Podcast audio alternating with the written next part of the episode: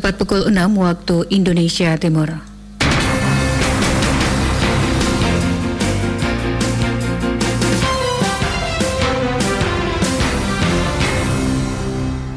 Radio Republik Indonesia Fak-Fak menyampaikan warta berita daerah.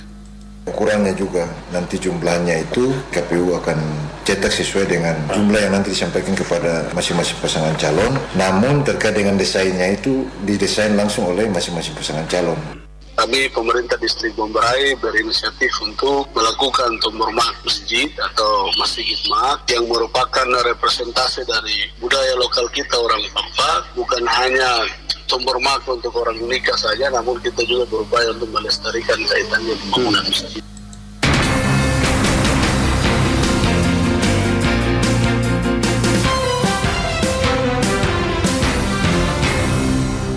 Sari Berita Selain difasilitasi oleh KPU, alat peraga kampanye juga disiapkan oleh masing-masing pasangan calon bupati dan wakil bupati dengan tetap memperhatikan ketentuan yang berlaku.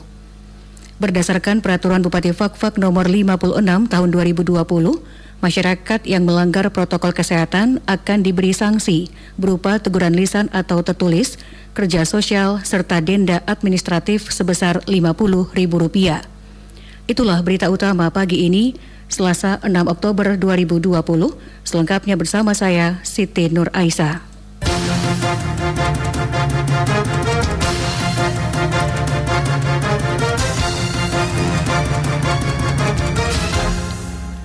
Selain difasilitasi oleh KPU, alat peraga kampanye juga disiapkan oleh masing-masing pasangan calon bupati dan wakil bupati dengan tetap memperhatikan ketentuan yang berlaku. Berikut laporannya. Saudara masa kampanye yang telah dimulai sejak 26 September lalu hingga 5 Desember 2020 mendatang dilaksanakan sesuai dengan PKPU yang telah dikeluarkan yaitu dengan tetap mengedepankan protokol kesehatan COVID-19.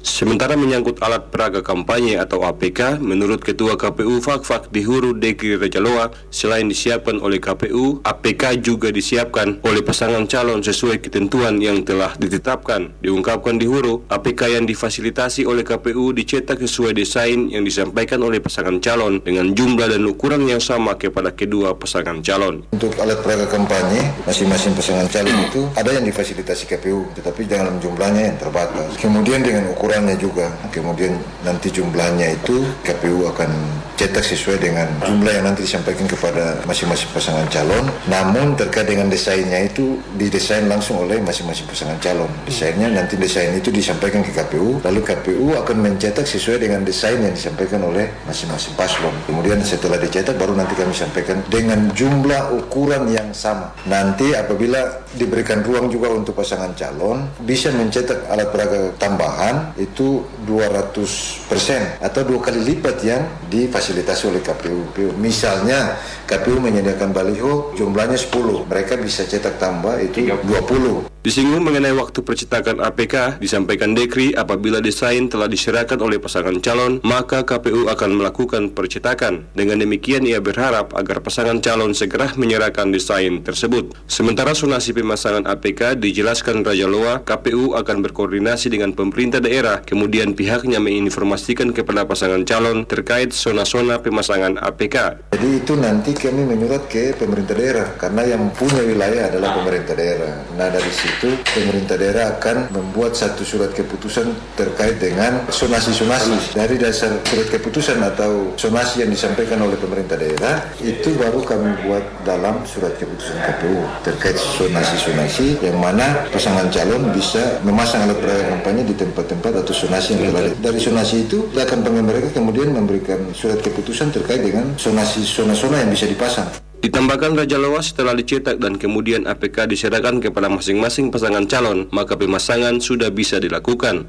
Di huru Dekri Raja Loa kembali mengingatkan selain isi konten alat peraga kampanye yang tidak provokatif, salah satu larangan di dalam APK adalah memasang foto presiden dan wakil presiden. Hal tersebut telah diatur dalam PKPU nomor 4 tahun 2017. Demikian Niko Aflobun melaporkan.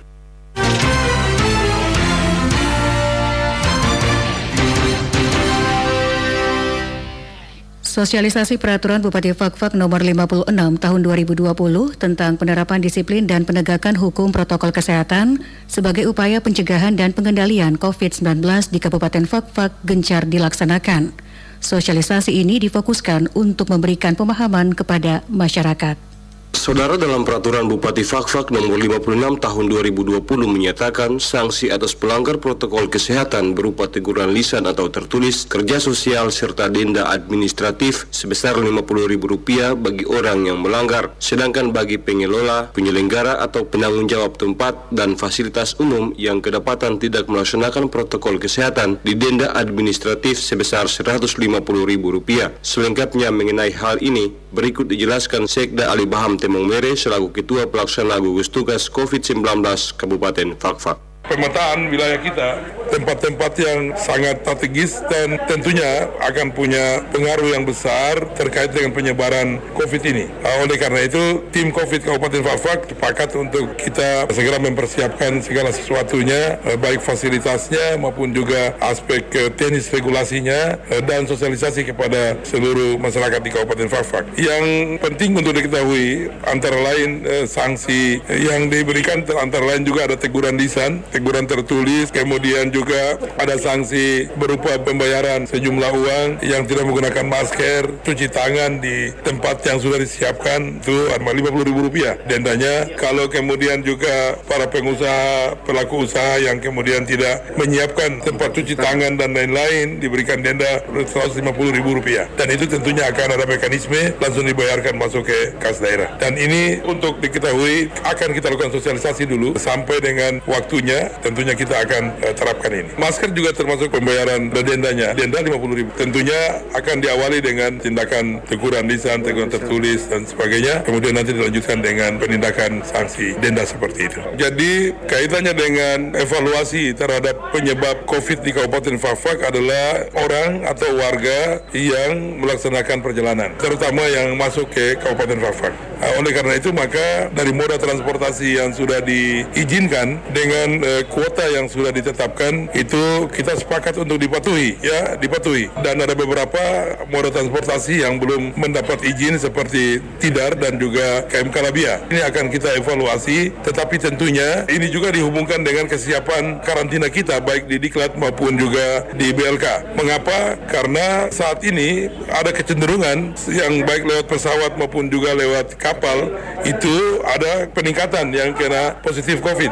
Nah, tentunya fasilitasnya terbatas. Dengan demikian kita akan evaluasi dan kepada semua pengelola, pengelola dari PLNI maupun juga dari maskapai yang lain, kami minta untuk patuh. Jadi tidak ada lagi menaikkan penumpang tanpa merujuk pada kuota. Tim COVID tidak akan memberikan izin tambahan, tetapi kuota yang sudah ada itulah yang kemudian dipatuhi untuk dalam penjualan tiket sesuai dengan kuota. Kalau kaitannya dengan tambahan khusus kecuali ya kecuali ada kondisi tertentu seperti orang meninggal, orang sakit atau tertentu itu dapat kita berikan rekomendasi. Tetapi kan tidak itu maka semua patuh kepada kuota yang sudah ditetapkan. Untuk sementara memang dua kapal itu belum belum ada izin. Dan tentunya ya kita akan mengevaluasi, tetapi ini juga akan dihubungkan dengan ketersediaan fasilitas kita, terutama karantina kita yang terbatas ini. Nah, oleh karena itu yang sudah ada itu tetap jalan, namun kami minta untuk ini kan ada modus ini dari Sorong beli tiketnya ke Kaimana turun Fafak, KTP-nya KTP Fafak. Uh, ini perlu kita evaluasi. Kalau ada kondisi tertentu, maka itu bisa disampaikan untuk kita pertimbangkan. Tetapi itu kalau tidak, maka itu modus. Dari Kaimana beli tiketnya Sorong, tapi turunnya Fafak, itu juga modus. Ya, ini kita sedang evaluasi dan tentunya ini tidak boleh terjadi. Kita akan evaluasi karena sampai saat ini belum diizinkan untuk Kalabia dan Tidar. Sedangkan beli bis masih jalan pesawat, kemudian beberapa kapal yang lain dengan kuota yang sudah ditetapkan.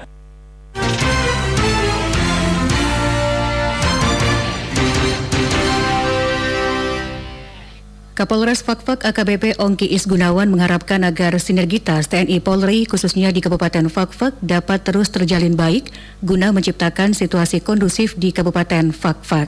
Berikut laporannya. Saudara, Tentara Nasional Indonesia TNI pada 5 Oktober kemarin memperingati hari ulang tahunnya ke-75. Tak seperti biasanya, peringatan kali ini berbeda dari tahun-tahun sebelumnya yang digelar secara meriah. Peringatan tersebut kali ini digelar secara virtual langsung dari Istana Negara mengingat situasi pandemi COVID-19. Di Fakfak, peringatan tersebut dilakukan secara internal Kodim 1803. Turut merasakan kebahagiaan yang sama, Kapolres beserta Wakapolres, perwira dan anggota di jajaran Polres Fakfak memberikan kejutan kepada Dandim beserta anggota di Makodim.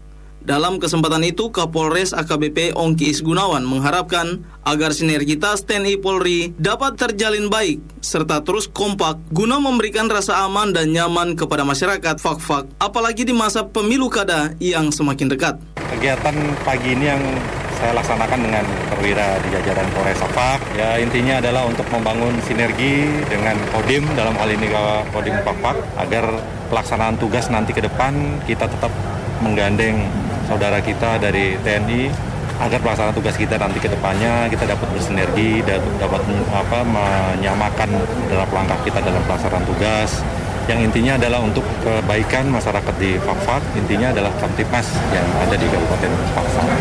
Nah, uh, terutama ini menjelang pemilu ya, pemilu yang dilaksanakan Kabupaten Fafak. Kita bekerja nanti di lapangan juga akan melibatkan dari rekan-rekan kita TNI dalam hal terutama pengamanan teritorial wilayah yang berkaitan dengan keamanan dan ketertiban. Sementara itu, Dandim 1803 Fakfak Letkol Infantri Dodi Yuda mengucapkan terima kasih kepada Kapolres beserta jajaran yang telah memberikan surprise di HUT TNI ke-75 ini. Ia pun berharap pada ulang tahun ke-75 tersebut, TNI dan Polri khususnya di Kabupaten Fakfak ke depan dalam menjalankan tugas dapat lebih solid guna menjaga situasi daerah tetap kondusif.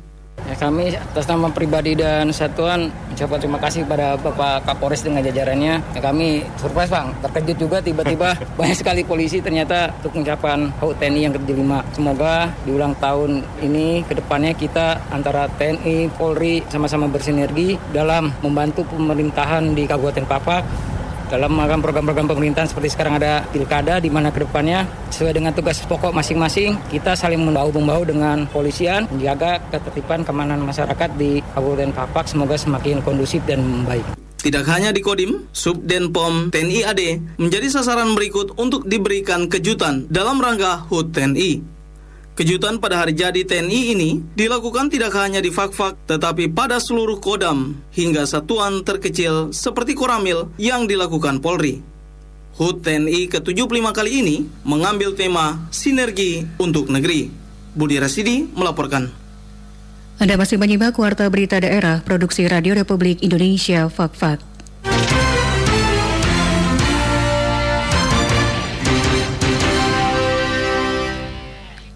Penambahan unit pelampung suar di alur masuk posisi Pulau Tubir Seram, wilayah perairan Fakfak, diharapkan dapat memberikan panduan selama pelayaran serta meningkatkan keselamatan dan efisiensi kenavigasian kapal dan lalu lintas pelayaran. Berikut laporannya.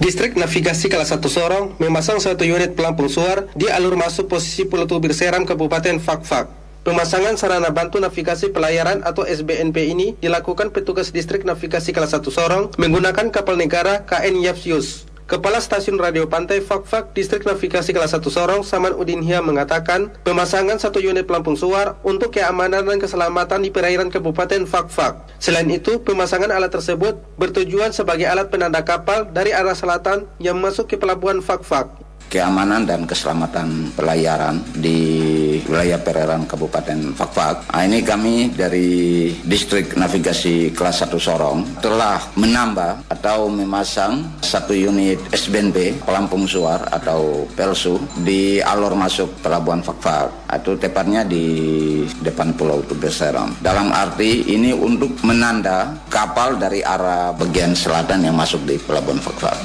Nanti pada kapal masuk dari arah selatan dari arah Karas nah itu sudah bisa berpatokannya di Tanjung Wamarusa. Hmm. jadi Tanjung Wamarusa kan nanti posisinya di lambung kiri kapal. Sedangkan bui hijau yang terpasang ini posisinya pada lambung kanan kapal. Jadi kapal dia masuk dari arah selatan sudah secara pikir sudah nyaman itu. Sudah karena ada dua SBNP yang sebagai penuntun untuk masuk alur pelabuhan Fakfak Sementara untuk jarak pandang dari sarana bantu navigasi pelayaran atau SBNP untuk Rambu Suar yang terletak di Tanjung Waramusa, jarak capaiannya minimal 20 nau 3 mil, sedangkan untuk Pelampung Suar, jarak capaiannya minimal 6 nau 3 mil.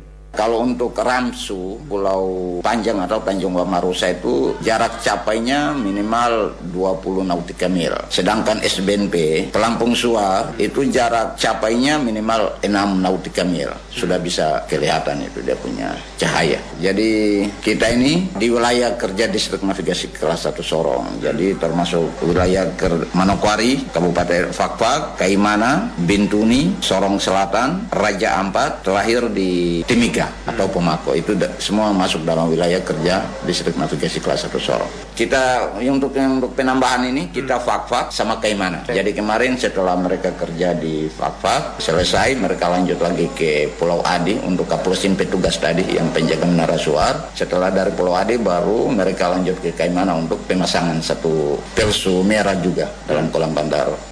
Menurut Saman Udin Iha, dengan bertambahnya satu unit pelampung suar di wilayah perairan Fakfak, maka jumlah sarana bantu navigasi pelayaran atau SBNP ini sebanyak 15 unit dengan rincian rambu suar sebanyak 7 unit dan pelampung suar sebanyak 8 unit. Kalau kita untuk di Fakfak aja sudah 15 untuk wilayah perairan Kabupaten Fakfak. Untuk Fakfak, Ramsu ada 7, sedangkan Pelsu ada 8. Tersebar di wilayah perairan Fakfak, itu dari Fakfak sampai Kokas. Jadi himbauan saya untuk masyarakat, intinya ini untuk keselamatan kita, keselamatan umum. Jadi saya harapkan tidak melakukan pencurian atau pengrusakan alat-alat SBNP tersebut karena ini sangat fatal. Yang sangat mengakibatkan eh, kecelakaan bagi kapal yang berlayar maupun yang masuk di wilayah perairan tepat. Fungsinya ini untuk menandakan di sini ada karang atau di sini ada dangkal, oh di sini ada pulau sehingga kapal itu berlayar itu merasa nyaman. Dengan adanya penambahan satu unit pelampung suar di alur masuk posisi Pulau Tubi Seram yang dilakukan oleh kapal negara KN Yefyos milik Distrik Navigasi Kelas 1 Sorong, ia menghimbau kepada masyarakat untuk tidak melakukan pengerusakan atau mengambil alat sarana bantu navigasi pelayaran karena dapat menyebabkan terjadinya kecelakaan kapal. Sebab sarana bantu navigasi pelayaran atau SBNP berfungsi sangat penting untuk memberikan panduan selama pelayaran serta meningkatkan keselamatan dan efisiensi kenavigasian kapal dan lalu lintas pelayaran. Januardi melaporkan.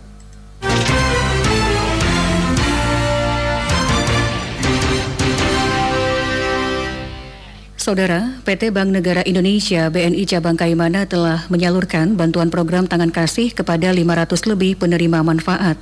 Laporan Wilhelmus Nurak dari Kaimana.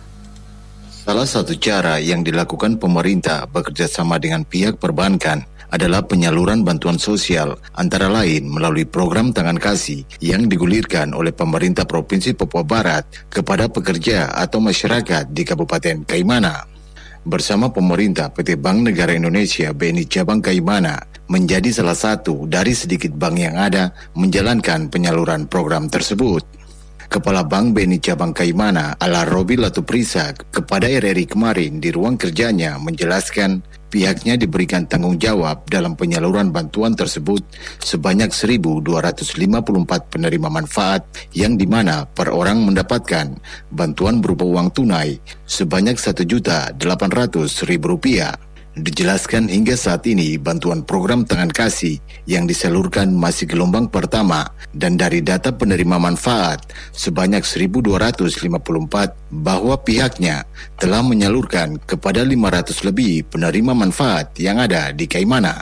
Untuk uh, bantuan tangan kasih sendiri, kita Bank BNI diberikan tanggung jawab untuk uh, penyaluran bantuan tangan kasih sekitar 1.254 uh, masyarakat untuk penyaluran bantuan tangan kasih dari 1254, kita sudah salurkan sekitar 500 lebih masyarakat di Kabupaten Kaimana. Setiap saat uh, kita salurkan dan kita akan laporkan setiap sore di cabang untuk laporan ke provinsi sebagai pertanggungjawaban.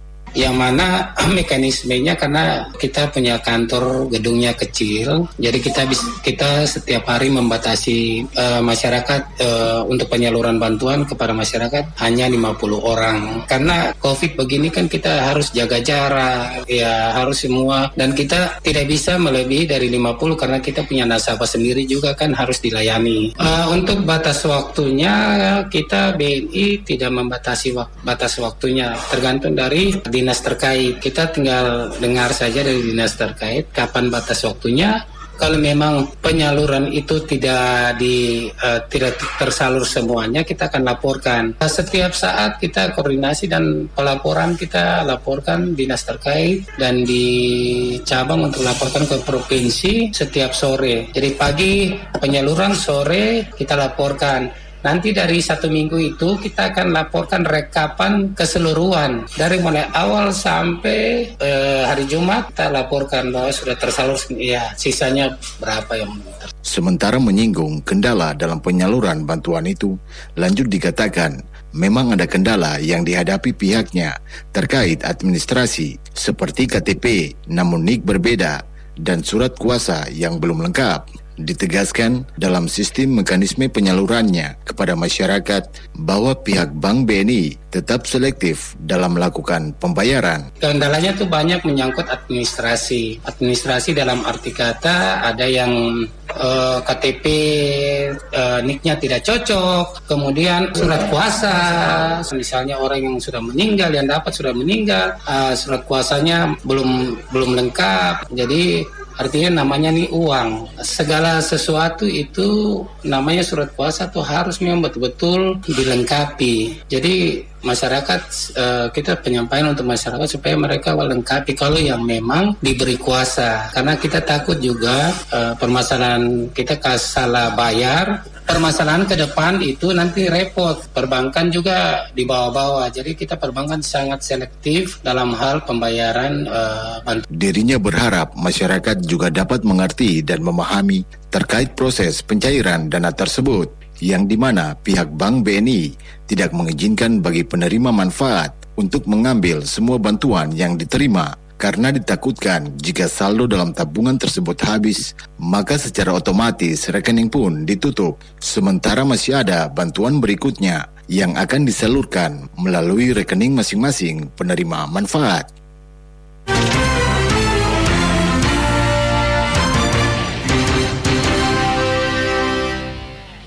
Sebagai wujud percepatan pembangunan Masjid Al-Muhajirin di Kampung Onimsari, Distrik Bomberai, pemerintah distrik setempat melakukan tombor mak atau masigit mak, kumpul uang untuk masjid. Kembali laporan Januardi. Dalam rangka mendukung percepatan pembangunan Masjid Al-Mujahirin di Kampung Onimsari, Distrik Bombray, pemerintah Distrik Bombray bersama masyarakat setempat Jumat 2 Oktober melaksanakan tombor mak atau mak atau kumpul uang untuk masjid yang bertempat di kantor Distrik Bombray. PLT Kepala Distrik Bombray, Lut Masrur Kamudi menjelaskan pelaksanaan kegiatan tersebut dimaksudkan untuk mengajak semua pihak mulai dari jajan pemerintah kampung, para ASN dan pengusaha di Distrik Bombray dan Tomage untuk berpartisipasi dalam bersedekah dan menyumbang dalam pembangunan Masjid Besar Bombray. Kami pemerintah distrik Bombray berinisiatif untuk melakukan tombor mak masjid atau masjid mak yang merupakan representasi dari budaya lokal kita orang Papua bukan hanya tombor mak untuk orang nikah saja, namun kita juga berupaya untuk melestarikan kaitannya pembangunan hmm. masjid. Yang mana pelaksanaannya ya, yang menjadi fokus mengundang adalah pemerintahan kampung di distrik Umrah dan distrik Tomage serta para pedagang, pengusaha untuk sama-sama datang berpartisipasi dan memberikan sumbangan. Tujuan daripada pelaksanaan tombor mak masjid ini yang pertama sebagai wujud silaturahmi di antara kita keluarga besar Bomberai dan Pemagi. Yang kedua, kita dapat berkontribusi atau membantu dalam rangka percepatan pembangunan masjid besar Bomberai yang mana uh, pelaksanaan pembangunan itu sudah berlangsung dari tahun 2009 silam namun sampai dengan 2020 sekarang ini belum selesai tuntas. Oleh karena itu kami dari pemerintah berupaya untuk uh, sedikit mendorong mendorong percepatan pembangunan masjid dimaksud. Menurut Lut Masrur Kamudi, selain untuk mendukung proses percepatan pembangunan Masjid Al-Mujahirin di Kampung Onimsari, Distrik Bombray, ada hal lain yang diharapkan pada kegiatan Masjid Gigmak atau kumpul uang untuk masjid di antaranya adalah terbentuknya tiga elemen besar yang menjadi aset dan warisan khususnya masyarakat di Kabupaten Fakfak, yakni satu tunggu tiga batu, adat, pemerintah, dan agama yang menjadi satu dalam mengurus masyarakat. Kegiatan Tombormak atau Masjid Gigmak atau kumpul uang untuk masjid dihadiri oleh Kepala Distrik Bombray dan Tomage, Kepala Suku Baham, staf khusus Bupati Fakfak, Fak, seluruh kepala kampung di distrik Bombray dan Tomage, serta para ASN dan pengusaha di daerah setempat. Januardi melaporkan.